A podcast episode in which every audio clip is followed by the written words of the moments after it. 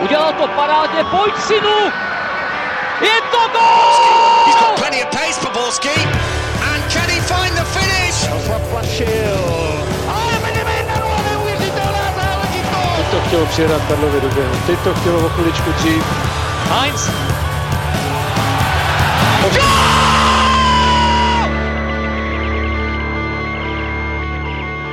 Dobrý den, vítáme vás u nového dílu Fotbal Focus podcastu. Rok 2017 pro české týmy skončil, a to s rozporuplným dojmem. Slávia totiž nenapodobila Plzeň a nepostoupila do jarní fáze Evropské ligy. Co by Slávie měla dělat do budoucna a znamená to konec pro Jaroslava Šilhavého? Podíváme se ale také na to, jestli letos uvidíme nejzajímavější vyřazovací fázi Evropské ligy, Koukneme také na příchod Tomáše Chorého do Plzně, nakoukneme do nižších soutěží nebo do zahraničí. S námi ve studiu tu je Jiří Hošek ze Seznam zpráv. Ahoj, dobrý den. A Pavel Jahoda a Martin White z webu ČT Sport.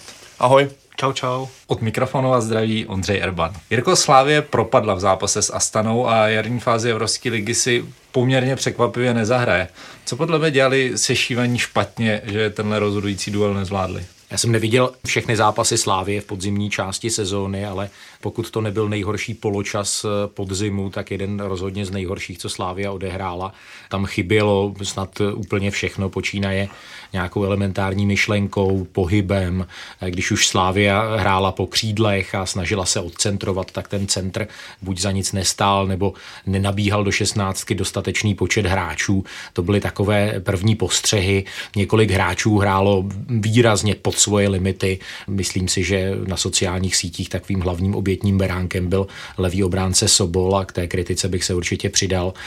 Myslím si, že když by byl na hřišti Josef Hušbauer, tak Slávia ten zápas minimálně zremizovala, v té druhé půli se velmi zlepšila, měla šance, měla kopat penaltu, ale určitě si to prohrála sama proti takhle nevýraznému soupeři prohrát a nedát na, na vlastním hřišti gól, to je prostě ostuda. Přesně tak, když to tak vlastně vezmeme, tak Astana za celý zápas neměla pořádnou šanci. Ten gól vlastně vyplynul z chyby Laštůvky, který šel do prázdna a pak se to tam semlelo tak, jak semlelo, že míč skončil v brance.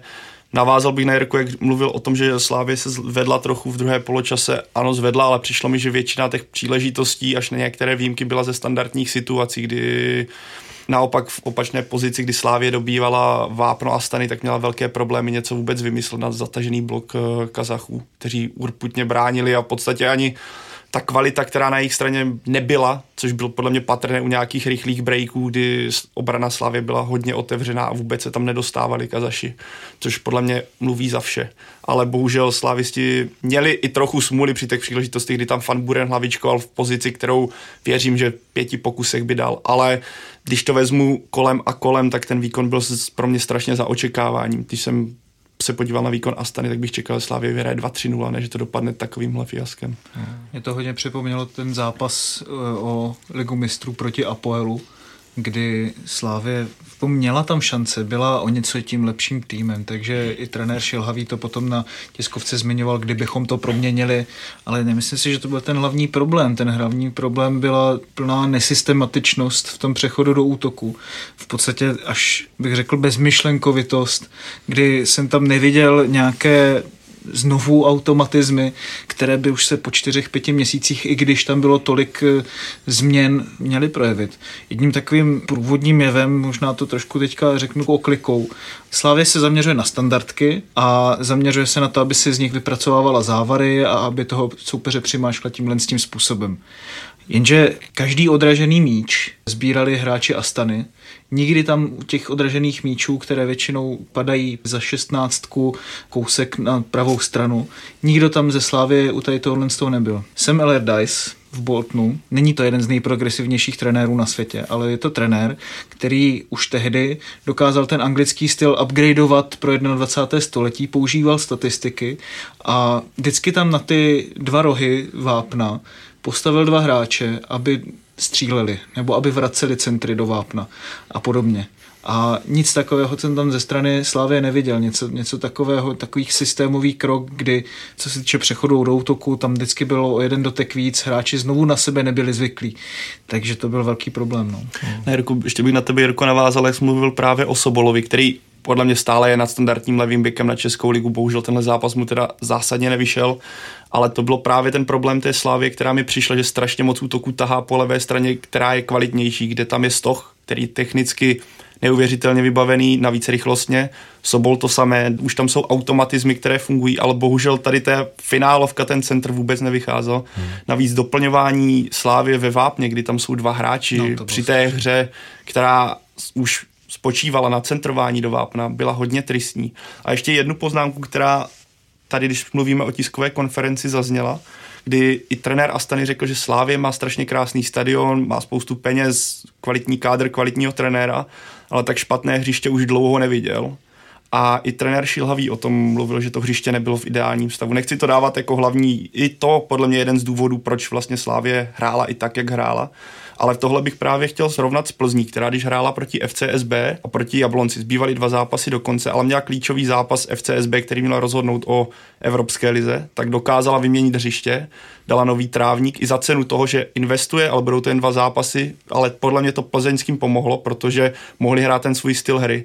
Potom, když jsem viděl z tribuny hřiště Slávy, které mi připomínalo typické oraniště někde na vesnickém hřišti, kde tím, že se blíží zima, je to hřiště vyšlapané, připomnělo mě to to samé v Edenu a čekal bych, že takový klub, který má víc peněz než Plzeň, si tohle v tak důležitém zápase na tohle se nachystá, že nebude mít hřiště takové, jaké mělo, protože Trenér to by, to by stálo podle mě za samostatný hmm. pořad, protože v, v letošním roce ty klimatické podmínky nejsou zatím nikterak extrémní a já nevidím důvod, proč by na začátku prosince to hřiště mělo být v takovémhle stavu. Já samozřejmě nejsem trávníkář, nevím, jak složité je vyměnit trávník v Edenu, ale podle mě, když to jde v Plzni, tak to v Edenu musí taky, pokud si pamatuju, když se hrál super pohár Chelsea 2015 to bylo, když se hrálo v Edenu, tak také přesně tak, hmm. tak tam byl speciální trávník, který se těsně předtím vyměnil takže podle mě to v Edenu není problém, což tohle podle mě určité podcenění toho zápasu. I za cenu, že by to bylo na jeden zápas, to podle mě stálo za to. V kontextu toho, co jste teďka tady vlastně všichni si říkali, vyznívá poněkud paradoxně to, co prohlásil trenér Šilhavý po zápase.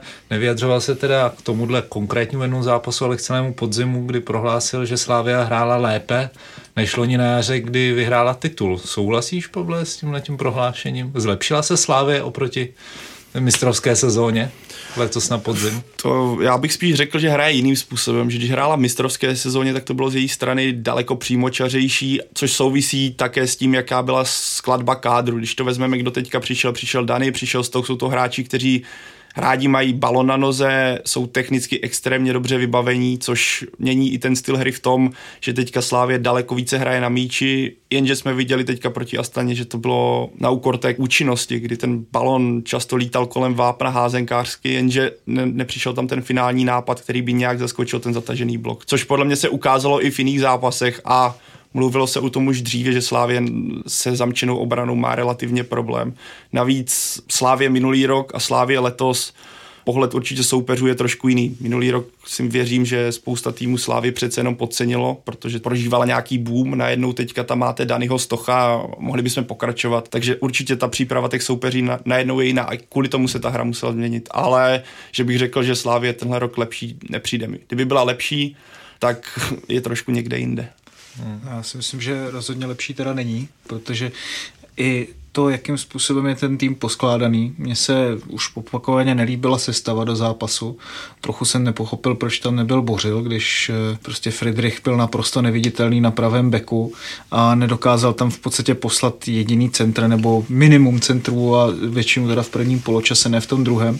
Ale co se týče i té sestavy, tak nebylo tam doplnění do vápna, ale když se podíváme třeba na těch 4-5 hráčů, kteří mají hrát v té ofenzivě, tak tam kromě Necida nebo Škody, kteří tam nastoupili, nebyl nikdo vysoký. A loni právě Slávě dokázala uplatnit to, že měla obrovskou výškovou i fyzickou převahu nad těmi ostatními týmy a to nejenom teda vlastně v defenzivě, při těch standardkách, ale i v ofenzivě, kdy barák třeba má 185 cm nebo 190, že Zmrhal má taky přes 180. Tam nebyl nikdo, kdo by měl kolem 170, teď tam byl Dany se Stochem. Oni třeba loni nebyli zase takový, že by válcovali týmy přes střed obrany. Jenže to nedokázali ani v tomhle tom zápase a ke všemu nedokázali ten tým přimáčknout nějak soustavně. Nebyl tam žádný tlak víc než třeba nějakých pět minut a to se jim právě loni dařilo a v tom byly lepší. Ty si tady souhlasně přikoval, Jirko, chtěl bys si k tomu něco dodat?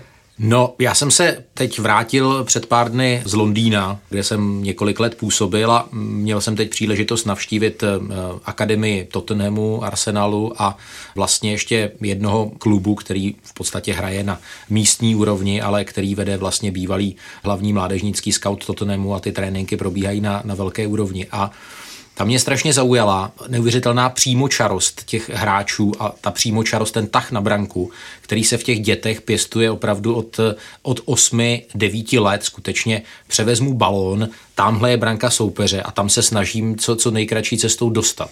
A na Slávii bylo včera vidět, kolikrát hrála vyloženě odvážně jakoby jeden na jedno. Strašně málo. Hráli málo po zemi a v situacích tam několikrát vyloženě publikum muselo jakoby e, svým způsobem zabučet, aby hráče, který přijal balón, ale šel do nějakého kompaktního valu, tak to otočil a vlastně zamířil směrem k vlastní bráně, tak ho přimělo nějakými zvuky, aby se otočil a skutečně se snažil zautočit na tu soupeřovou branku. A tohle to může působit jako trošku komicky, ale myslím si, že to je problém jakoby nejenom Slávy, ale obecně i, i určitě Sparty v letošní sezóně, že jakmile se e, vlastně nepřevezme ten balón nějakým ideálním způsobem, tak, tak se hned, hned hledá vlastně ta cesta k vlastní brance a e, vyťukává se kombinace, ale vyťukává se kombinace takovým rugbyovým způsobem v podstatě na té e, stejné linii a málo kdy se vlastně jde směrem kupředu. Takže když si vybavíte právě ty situace, kterých bylo relativně málo kolem 16 soupeře, kolikrát opravdu slávista šel do souboje jeden na jednoho, chtěl skutečně obehrát svého soupeře a vyslat třeba střelu ze střední vzdálenosti. Já myslím, že se to stalo snad jednou za ten zápas. Každopádně po tomhle zápase je určitě silně otřesená pozice Jaroslava Šilhavého. Dá se předpokládat do určité míry, že kdyby Slávě tento zápas zvládla, trenér Šilhavý by s určitou mírou pravděpodobnosti zůstal ve své pozici. Teď to vypadá, nebo mnohé nasvědčuje tomu, že Jaroslav Šilhavý po tomto neúspěchu spíše skončí jako trenér Slávě. Martine, dává podle tebe smysl, aby se vedení rozhodovalo o budoucnosti trenéra na základě jednoho, i když klíčového zápasu? Já si myslím, že psal jsem tady na Twitteru, že jestli je jeden zápas, ve kterém by to mělo rozhodovat, tak je to tady ten. Ono to vlastně nerozhoduje jediný zápas, ale Slávě vlastně celou sezonu hraje tak nějak na hraně. Na hraně úspěchu a neúspěchu, na hraně toho, že se na to někdo může dívat na jako poloprázdnou sezonu nebo poloplnou sezonu. Protože ona v podstatě teďka měla jediný úspěch, k kterému se mohla vztahovat a to byl úspěch postupu v Evropské lize do jarní fáze, kdy si vedení mohlo, nebo tým celý si mohl říct, že dobře, máme tady progres v evropských pohárech, rozehráli jsme to dobře, teď jsme to potvrdili proti Astaně, no a to se nestalo když se podíváme na ty první výkony v předcholech ligy mistrů. Já bych se odvážil tvrdit, že třeba výkon proti Bate byl stokrát lepší než teďka proti Astaně, že i výkon doma proti Apoelu byl lepší než proti Astaně, takže jako Slávě dobře, je sice ovod před Olomoucí, jo, ale je to opravdu až taková jako výhra, když jsou 14 bodů za Plzní, což je prakticky stejný odstup jako od Mladé Boleslavy, která má za sebou tak strašnou sezónu. Od Sparty dělí jeden vzájemný zápas a jeden další bod. To jako není zase žádná, žádná sláva. A když nemáte zlepšené výkony, tak aspoň musíte mít výsledky. Jenže když nemáte výsledky a máte špatné výkony, tak za váma v podstatě nestojí nic moc dalšího. A to opravdu nejde Jaroslavu Šilhavému k duhu.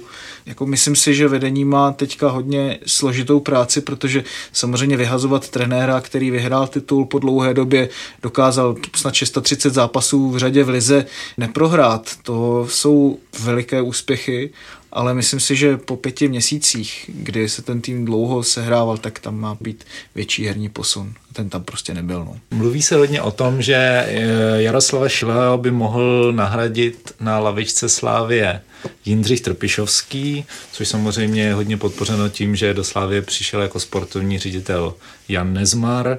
Tyrko, viděl by si případně někoho vodnějšího, kdo by mohl přijít než ten tedy mnohokrát zmiňovaný Trpišovský, kdo by se více hodil slávy? V českých luzích a hájích s největší pravděpodobností ne a souhlasím s tím, co si říkal, že Jan Nezmart byl takový předvoj Jindřicha Trpišovského a že to duo, které ukázalo velmi, velmi plodnou spolupráci a úspěšnou v Liberci, tak dostane za úkol ten projekt Slávie pro příští období.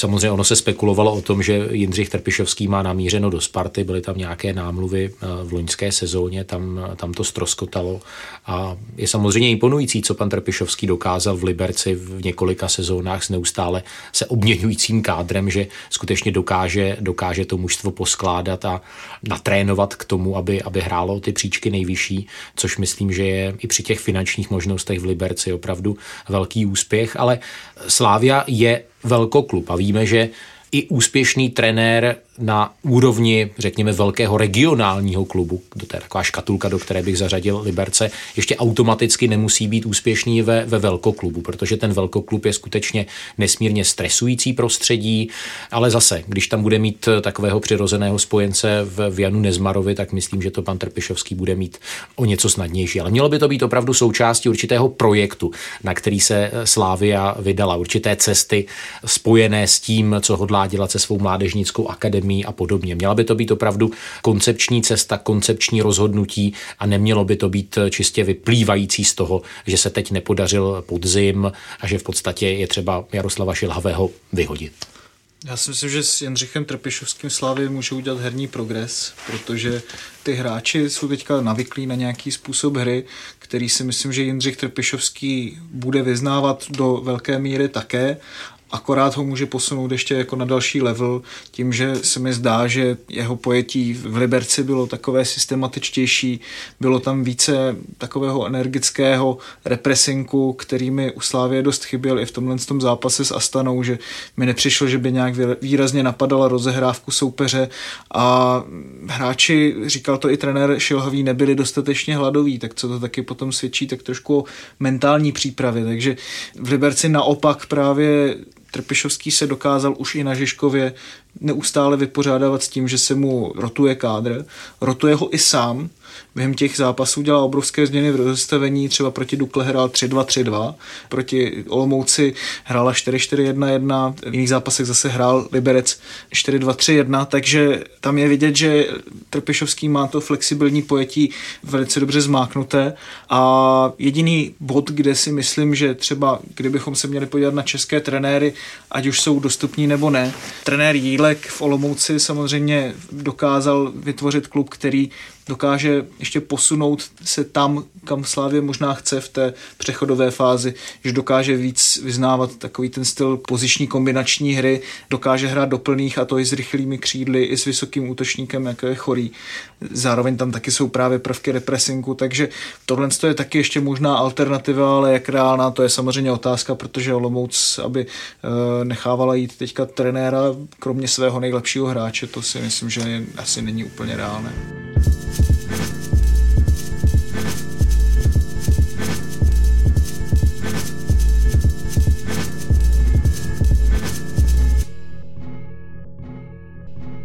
Pojďme se teďka podívat na výkony českých týmů v Evropě za celý podzim, aspoň tak jako ve zkratce. Pavle, skončily všechny týmy za tvým očekáváním české, nebo tě naopak třeba někdo překvapil? Tak překvapila si myslím, že spíš Plzeň splnila mé očekávání nebo řekněme, tím, že dosáhla na první místo, tak možná po tom začátku, kdy prohrála v Lugánu, tak jsem byl trošku skeptičtější k tomu, že by mohla skončit první, protože FCSB bylo hodně rozjeté. Naopak to nakonec dopadlo, že Lugánu chyběl bod na to, aby FCSB přeskočilo, i když Rumuni to v závěru, řekněme, jistým způsobem vypustili. Takže Plzeň splnila mé očekávání a jsem velice rád, že to dotáhli do jarní sezóny, protože když se podíváme, co se děje s koeficientem, tak to bude pro český fotbal velice důležité. Zlín ten v podstatě potvrdil, co jsem čekal, pro něho to byla lekce, to, že uhrál dva, dva body, tak je to pro ty hráče je to podle mě dobrá věc do ligy, může jim to pomoci. Samozřejmě mohli na tom vydolovat, mohli z toho třeba vydolovat víc, ale tím, jak v létě postavili nějakým způsobem nový kádr, Zlín tak splnil to, co jsem čekal. Nečekal jsem i v té skupině, která byla nastavená, která sice nebyla atraktivní, ale ty týmy tam nebyly slabé, tak dopadly tak, jak dopadly a o Slávy jsme tady asi toho řekli spoustu, tam měla určitě postoupit a to, co, jak dopadla, je obrovské zklamání. Myslím, že nejenom pro mě, ale i pro fotbalovou veřejnost obecně. Spartu už rozevírat nebude.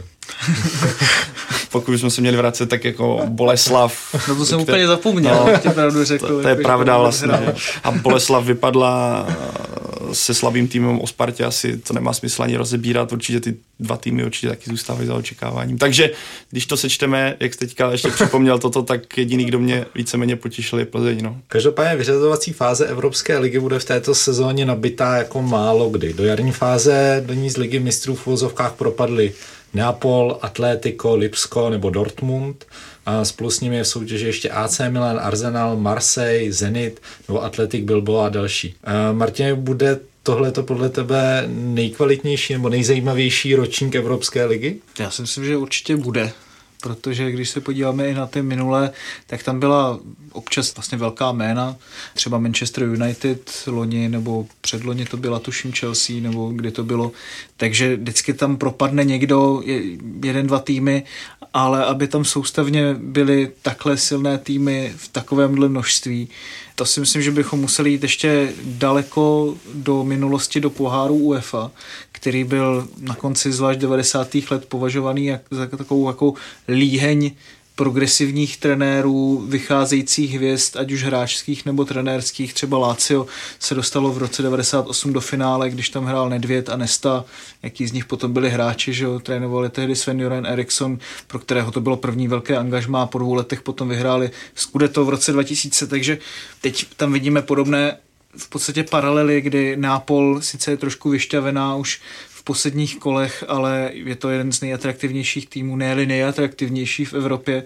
Dortmund klasicky podává své skvělé výkony, když teďka je hodně, hodně na tom špatně. Když teď skvělé výkony, skvělé výkony v tom smyslu, jakože no oni hrají furt, furt pěkně, tak jsem to chtěl říct. Oni hrají furt pěkně, akorát pěkně. prohrávají, no, pardon.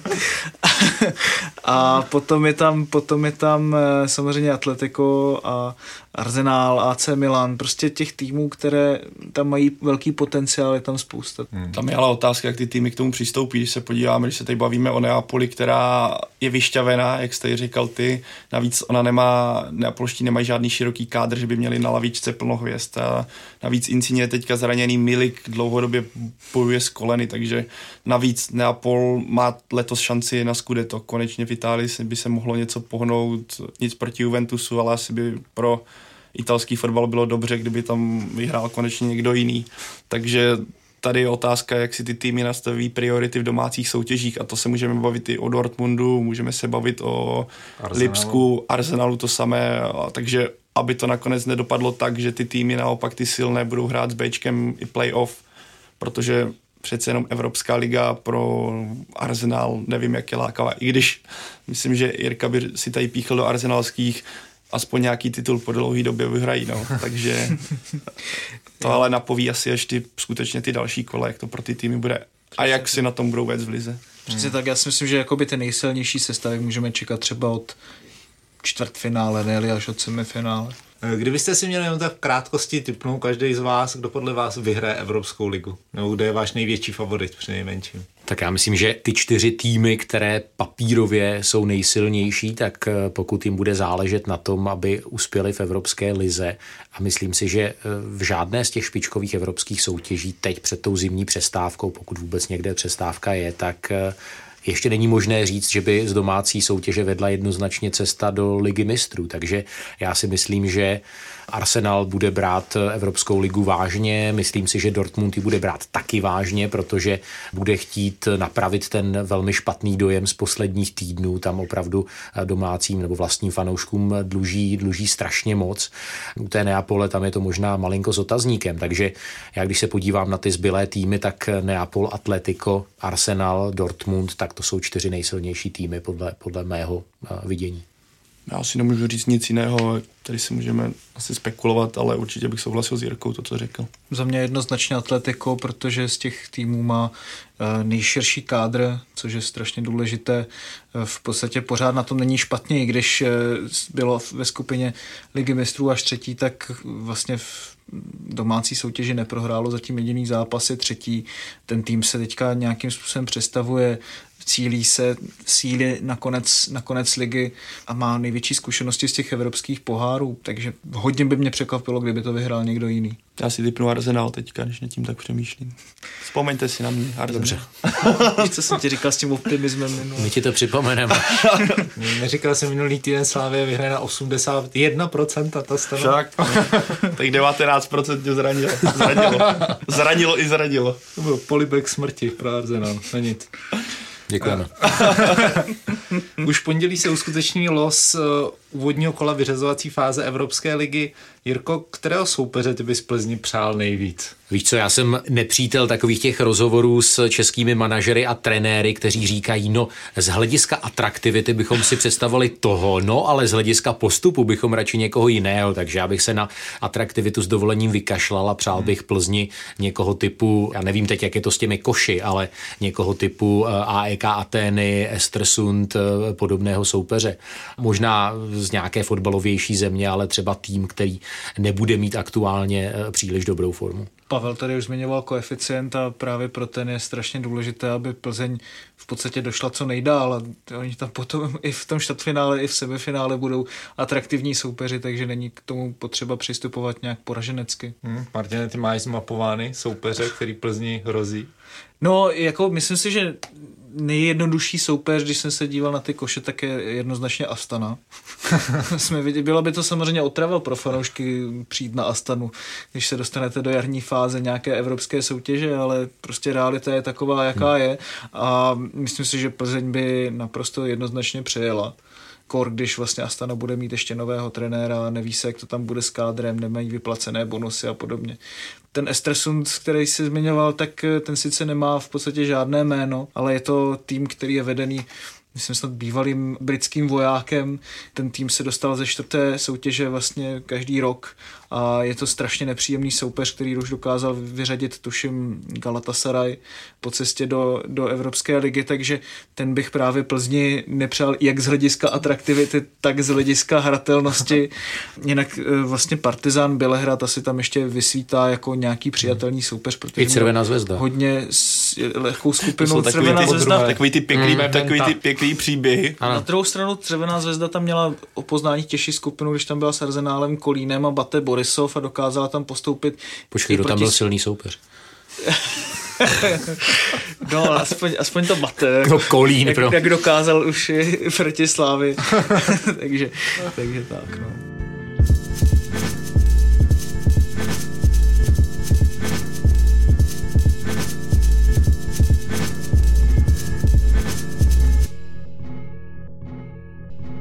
Pojďme se podívat eh, do České ligy, tam se začíná řešit budoucnost hráčů, kteří se předvedli na podzim. Prvním z nich je rozhodně Tomáš Chorý, jehož příchod eh, do Plzně už je takřka jistotou.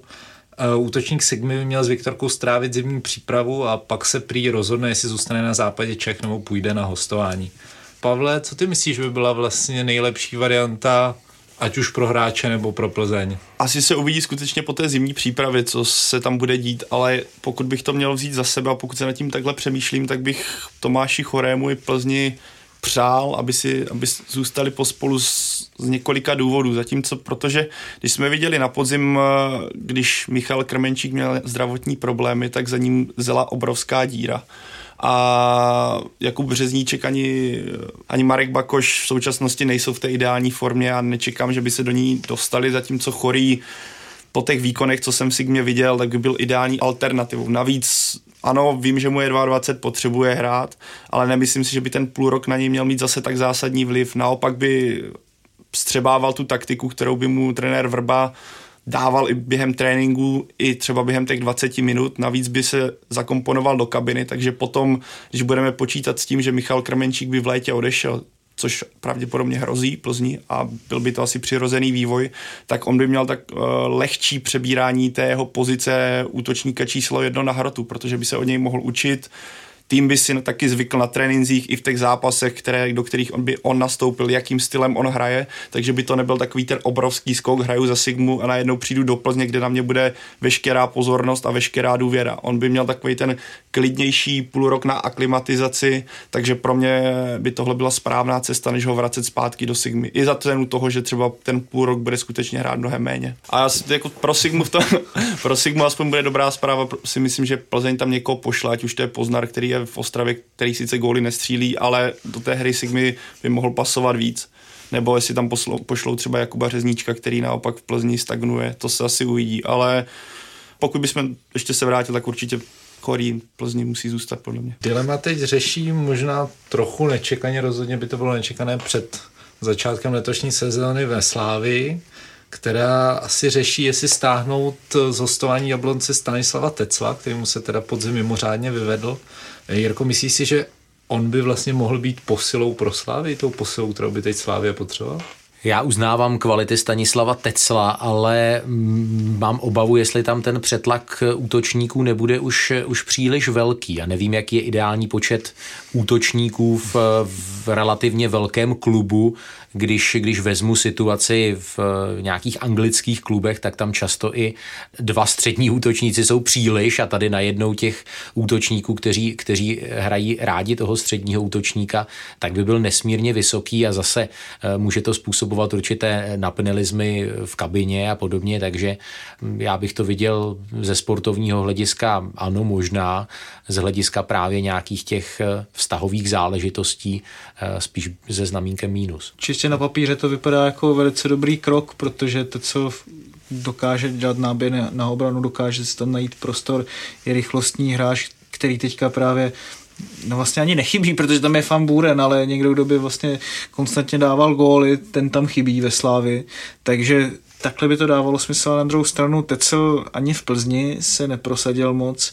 Je vidět, že mu asi svědčí, když je v nějakém menším klubu nebo středně velkém klubu, kde dostává neustále důvěru, kde ten klub nehraje do plných, to asi taky není pro něho úplně ideální. A mě tam potom asi vlastně nevysvítá tohle je jako úplně nejlepší možnost. A utopit ho na křídlo, tam on něco si odběhá, jo? dokáže být platný, ale není tam dostatečně efektivní, jak by měl být, podle mě. Hmm. S tím vlastně souvisí moje další otázka, protože krom případného Tecla má Slávia vlastně na to, to pozici jediného hrotového útočníka Škodu, Necida, případně Fan Burena, Mešanoviče. Neměla by Slávě uvažovat i opačným směrem, Pavle, a vlastně nechat někoho z těch hráčů odejít, případně poslat někam na hostování? Tak myslím, že to tady odpověděl za mě už trošku Jirka, protože ano, Fan Buren třeba může alternovat na křídle, ale myslím, že budoucnost Mešanoviče už ve Slávii není, protože teďka bojuje s dlouhodobě se zraněními, Navíc teďka viděli jsme na začátku sezóny, že úplně s tou pozicí se nesrovnal dobře a myslím, že pro něj osobně by bylo lepší minimálně, pokud se bavíme o nějakém následujícím půl roku odejít, někam jinam, kde by se mohlo minimálně rozehrát. A pak je tady samozřejmě otázka, kdo, jestli bude Jindřich Trpíšovský skutečně trénovat Slávy, jaké bude mít představy o hře, protože když se podíváme na současnou Slávy pod Jaroslavem Šilhavým, tak zde byl jeden hrotový útočník a to se příliš neměnilo, takže tam stačil Škoda, alternativa, Necit a zbytek hroťáků tam neměl prostě místo. Takže já si taky myslím, že pokud se bude hrát tím stylem, že bude jeden hrotový útočník, tak bohatě stačí dva hráči, kteří se budou točit, posléze se třeba podívat do juniorky nebo do dorostu, kde by se stalo alternovat a vytáhnout případně někoho mladého.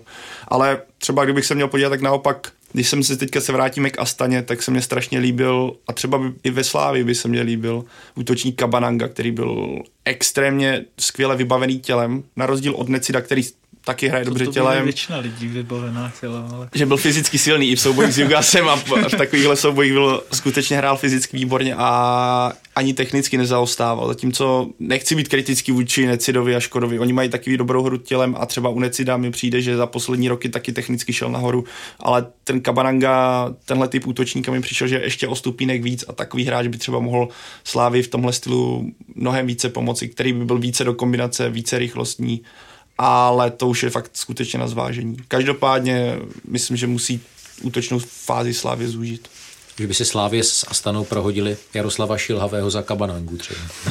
myslím, že Myslím, že někdy, většina fanoušků, co jsem četl na Twitteru, by nebylo proti, ale... To Nevím, jak Jaroslav Šilhavý. No, zůstaňme ještě chviličku u Slávě.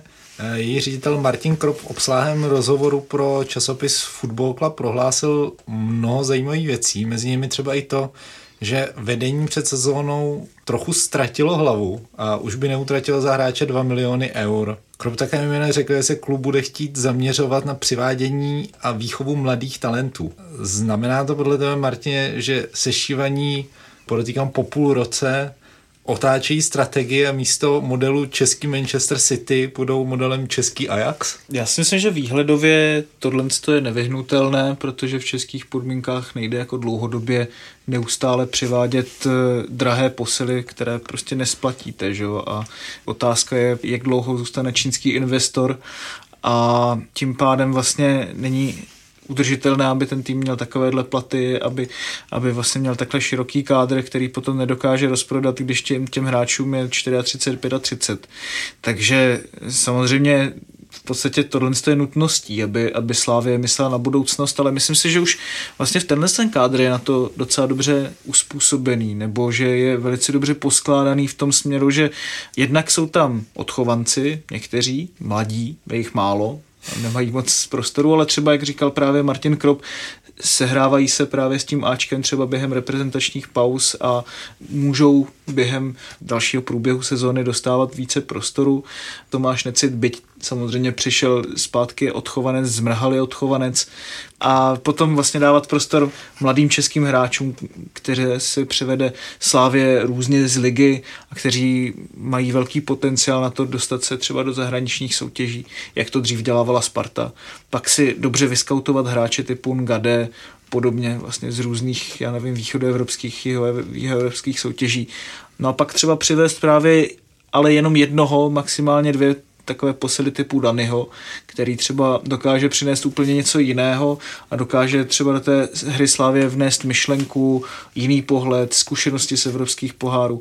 Takže v, tomhle směru si myslím, že Slávě to má nějaký organický přechod, že to není tak jako, že teďka teda máme jednu strategii, celé jsme si to škrtli a začneme s druhou strategií. Vidíme, že i Chelsea, i Manchester City, kteří byli ve své době novými týmy, tak potřebují pracovat s mládeží, když Chelsea to dělá málo, ale z business modelu se jim to vyplácí a Manchester City teďka začíná zapracovávat ty mladé hráče. Já myslím, že je opravdu velký příklad té Anglie, protože konkrétně Manchester City i Chelsea mají vynikající akademie ale jejich trenéři, ať už ti současní nebo ti nedávní, eh, byli oprávněně kritizovaní, že vlastně i těm nejlepším hráčům ve věku od 19 do 23 let nedopřávali dostatek šancí. Takže dneska vlastně v Anglii se má za to, že to nejlepší, co absolventa, úspěšného absolventa těchto špičkových akademí může potkat, je dostat se na hostování do nějakého týmu třetí ligy, to znamená League One nebo League Two,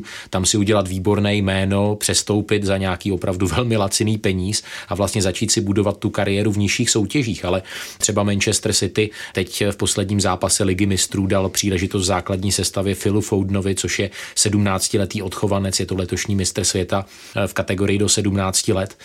A um, oni opravdu mají tu obrovskou, obrovskou zásobárnu Chelsea, jak by jsme, a tam vlastně ti hráči jsou. A já jsem to vlastně v té první odpovědi říkal, ta Slávia by měla opravdu mít projekt kvalitní mládežnické akademie s kvalitními trenéry, kdyby v každý ročník měl být schopen generovat dva, tři hotové fotbalisty, kteří by byli buď zapojení do Ačka, nebo by byli tak nějak na hraně Ačka a potom by se samozřejmě mohli stát obchodní komoditou.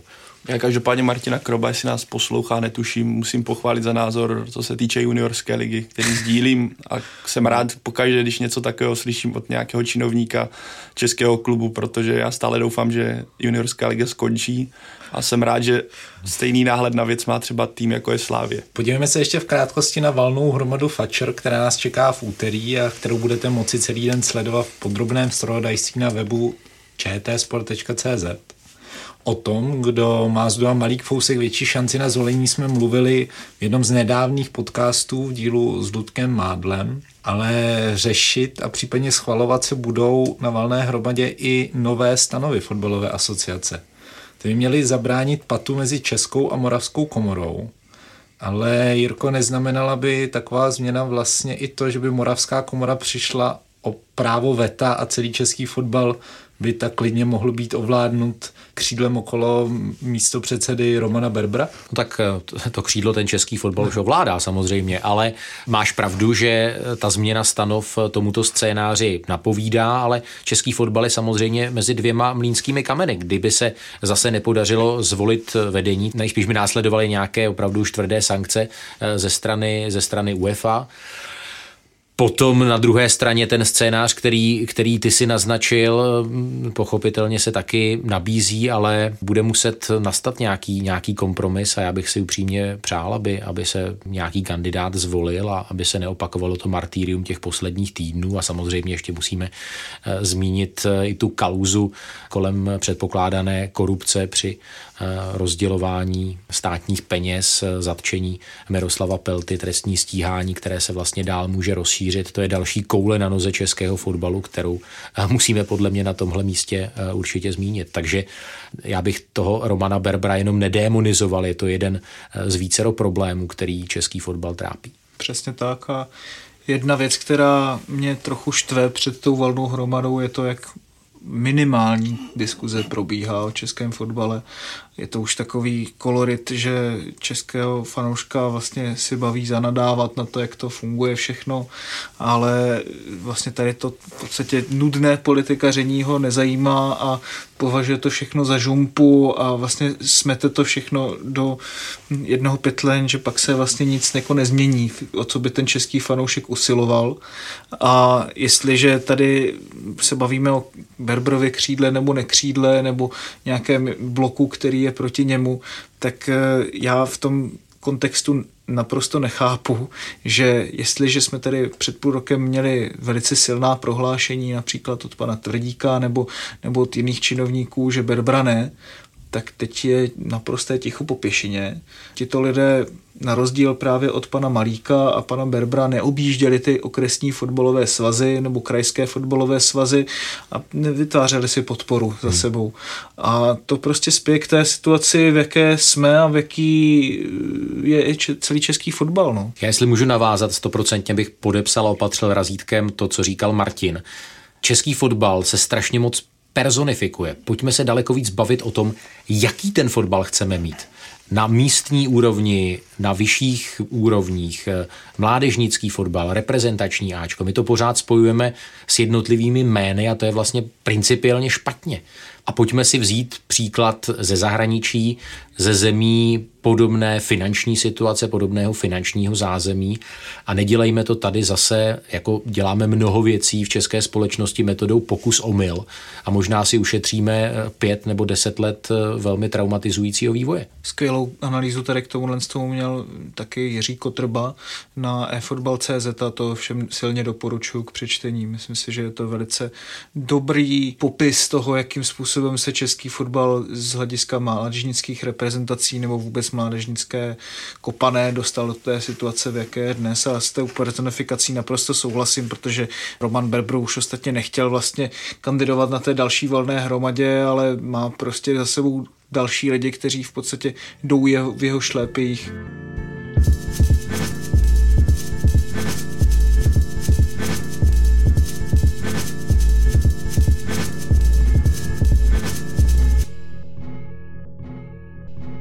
I v druhé lize máme za sebou poslední kolo podzimu a soutěž je stále pořádně zamotaná. Do čela se znovu dostala Opava, ale znovu vede jenom s malým náskokem.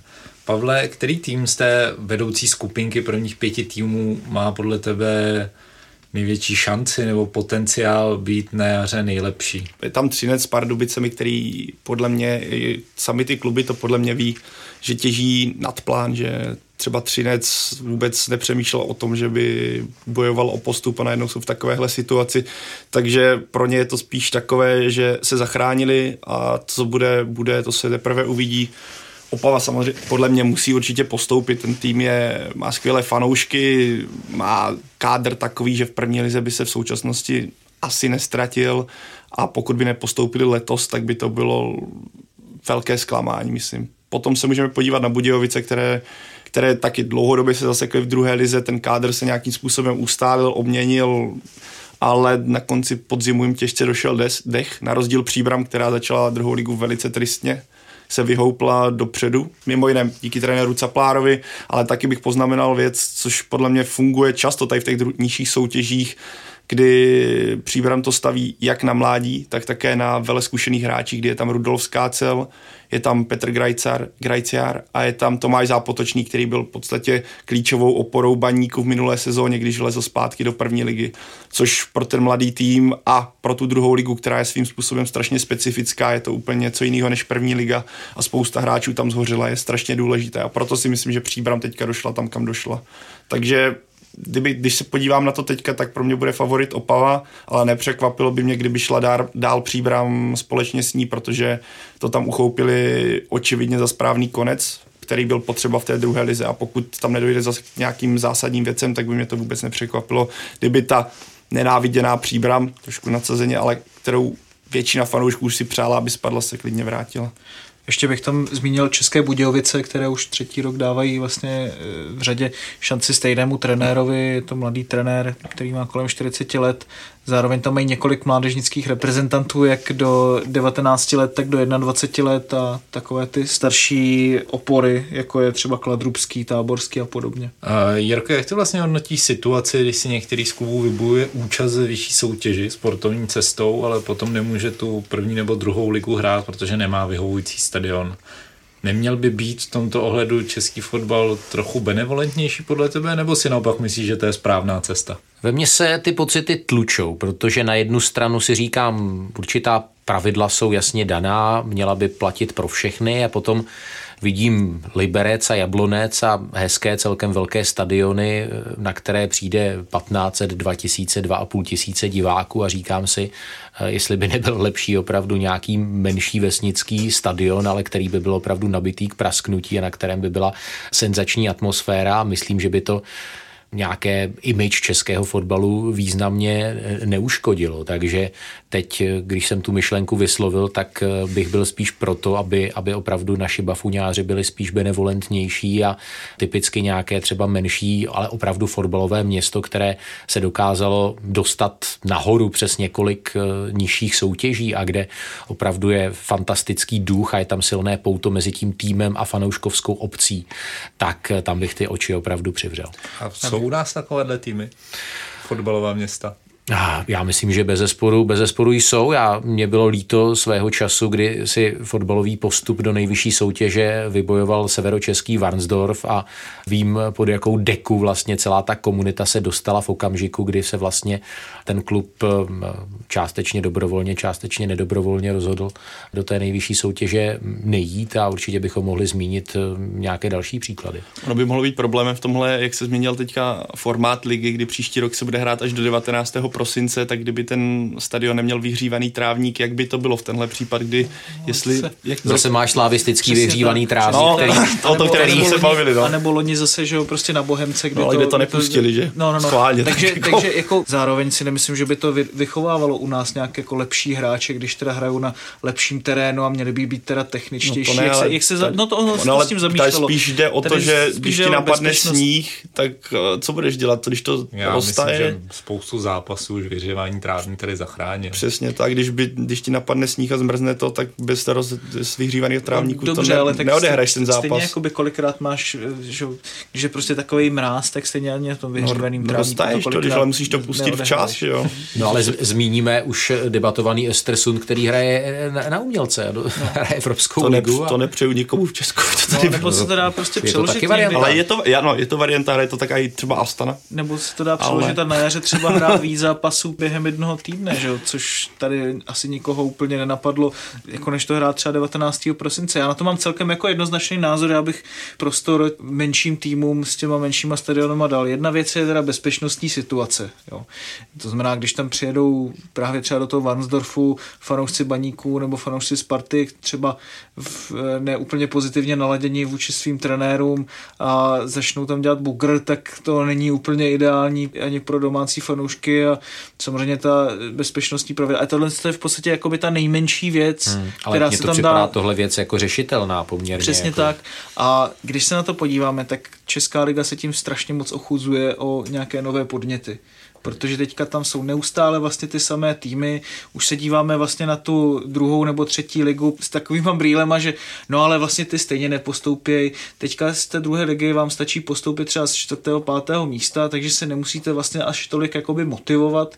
Když se podíváme do Německa, že tam postupují ty týmy jako je Darmstadt, Ingolstadt, prostě to jsou všechno týmy. Holstein Kiel teď. No a podobně, jako to, to jsou prostě týmy, třeba ten, ten Darmstadt to má stadion z jak se z 60. 70. let, který ale zase do té ligy vnáší něco jiného a e, čím víc nerovností, tím více to potom ty hráče učí vyrovnávat se právě s tím špatným terénem, zlepšovat se technicky při tom zpracování. No. A takovéhle věci, takže si myslím, že té rozmanitosti té ligy to může jedině pomoct. No ještě zůstaneme chviličku v nižších soutěžích. Náš hlavní expert na talenty v nižších soutěžích Pavel ty jsi objevil někoho, kdo má podle tebe potenciál, už hráč nebo trenér, nastupovat třeba i v první lize? Já nízké soutěže nebo nízké soutěže nemám projité, takže kdybych tady měl říkat nějaké jména, tak uh, bych je střílel tak z live sportu podle toho, kdo kolik dal gólů, kdo kolik má asistencí a maximálně bych si mohl najít, uh, který brankář má x čistých kont, takže podle mě by tahle informace byla naprosto nenosná, protože ano, některým hráčům by tohle mohlo projít. Na druhou stranu, když se podíváme, jak těžké je přejít třeba mezi druhou a první ligou pro některé hráče, tak když se bavíme o tom, který hráč z třetí ligy, a je jich tam plno, třeba když se budeme bavit i o těch statistikách, co se gólů týče, jsou tam hráči, kdy nasází během sezóny nebo tří sezon v řadě 20 gólů, ne, nedělá jim to problém. Jenže takový hráči, když přijdou třeba o soutěž víc, víš, nejenom třeba příklad do druhé ligy, tak mají velký problém vůbec dát jeden gól a je to takhle ve všech sportech. Takže jestli má někdo potenciál, je to možné, úplně nemám to nasledované, ale je to jedna ryba z mnoha. Když si třeba příklad je Jaroslav Navrátil, který kdysi hrál třetí ligu za Břeclav a odešel do Nizozemska do Heráklesu v současnosti tam, myslím, nevím, jak teďka hrává pravidelně, ale jednu dobu si dokonce vydobil místo základní sestavě. Takže ano, jsou tam takovýhle hráči. Napadá mě třeba v současnosti v Líšní hraje David Pašek, který prošel s Borojovkou, dlouho hrál v Brně, teďka odešel na Kypr a vrátil se zpátky, takže tohle je určitě hráč, který může klidně do roku naskočit, nebo on chce v zimě, myslím, odejít, takže on třeba má schopnost teďka naskočit někde v první lize. To je ale výjimka, ale uvidíme. Takhle bych to asi uzavřel. Nemám to takhle namapované každopádně. Každopádně z té druhé ligy už vlastně několikátou sezónu tam předvádí výborné výkony útočník Jan Pázler. Teďka má 12 gólů v 15 zápasech, ale už je mu 620 a na tu právě prvoligovou úroveň, jak zmiňoval Pavel, se moc nedokázal adaptovat, ale v druhé lize viděli jsme to i teďka v nominacích 21. je spousta hráčů, kteří právě hrají druhou ligu, takže si myslím, že bychom je mohli uvidět zanedlouho i v té první. Celý sportovní svět se v úterý soustředil na to, jestli budou moc Rusové startovat na olympiádě. Nakonec bylo jednou z největších zpráv doživotní vyloučení bývalého ruského ministra sportu Vitalie Mutka z olympijských her. FIFA ale přispěchala s prohlášením, že na jeho roli šéfa organizačního výboru mistrovství světa to nic nemění. Co to podle tebe, Martin, vypovídá o přístupu světového fotbalu k dopingu? tak jako jestli mě někdy něco opravdu nepřekvapilo, tak je to tady tohle, protože FIFA a její přístup k dopingu, ten je naprosto laxní. V podstatě s trochu nadsázky bychom mohli říct, že poslední problém, který dneska fotbal, respektive FIFA potřebuje, tak je doping vzhledem k těm že, korupčním různým obviněním a podobně. Takže FIFA k tomu přistupuje, nevím jestli vědomně nebo nevědomně, ale přistupuje k tomu tak, že v podstatě ty dopingové problémy ani nevytváří tím, že ty dopingové testy jsou velice povrchní a v podstatě nemají šanci nikoho potrestat. V 90. letech jsme tady měli velké případy, kdy Juventus na 99% dopoval měl tam obrovskou laboratoř, měl pozitivní test na Nandrolon i Pep Guardiola, Antonio Conte o něm soud říkal, že s velkou pravděpodobností dopoval, takže máme tady trenéry, kteří mají velkou minulost v tom, že dopovali, dopovali i Marseille že, svého času na začátku 90. let, spousta dalších týmů a pak to celé nějak utichlo eh, v nultých letech. A to se můžeme jenom domnívat proč, ale když se podíváme třeba na to, že kolik testů se dneska dělá v evropském fotbale, je to strašně málo. Barcelona spolupracuje s doktorem nebo s týmem doktorů, kteří byli zapleteni v US Postal Service, což je cyklistický tým kolem Lence Armstronga. Takže těch indicí je tady spousta, akorát prostě si je jako zatím nikdo tolik nespojuje, není tam okolo toho takový šum, jako byl svého času v cyklistice nebo, nebo v atletice. Ono samozřejmě, FIFA je v nesnadné situaci v okamžiku, kdy vlastně eh, přidělila Rusku pořadatelství takhle obrovské akce, tak eh, nad ním svým způsobem musí držet, musí držet eh, ochranou ruku a zase nemůže tu zemi bombardovat úplně kritikou a okopávat jí kotníky. Takže ona se vlastně stává zajatcem svého vlastního rozhodnutí a podle mého nejhlubšího přesvědčení takhle prestižní akce nepatří do země typu Ruska, už jen kvůli jeho zcela nedostatečným demokratickým standardům. Jinou věcí je úplně jenom na závěr, že snad i Vitalij Mutko nebo někdo z čelních ruských představitelů říkal o tom, že by měl dopovat fotbalový tým. A vy jste ten tým viděl a myslíte, že by mu ten doping pomohl? Takže asi tak. tak to je z dnešního Fotbal Focus podcastu všechno. Díky moc jednak vám, pánové, že jste si udělali čas. A děkuji vám, posluchačům, že jste nás doposlouchali až sem. Na konci příštího týdne se můžete těšit na poslední díl letošního roku, kde se ohlédneme za valnou hromadou, ale i celým rokem ve světovém fotbalu. Pokud máte chuť si pustit další díly našeho podcastu, ale i biatlonové, hokejové, cyklistické nebo basketbalové podcasty, můžete jít na naše čtsport.cz nebo využít podcastových aplikacích na mobilních telefonech, kam se vám každý nový díl automaticky stáhne. Najdete nás taky na Soundcloudu nebo YouTube. Mějte se pěkně.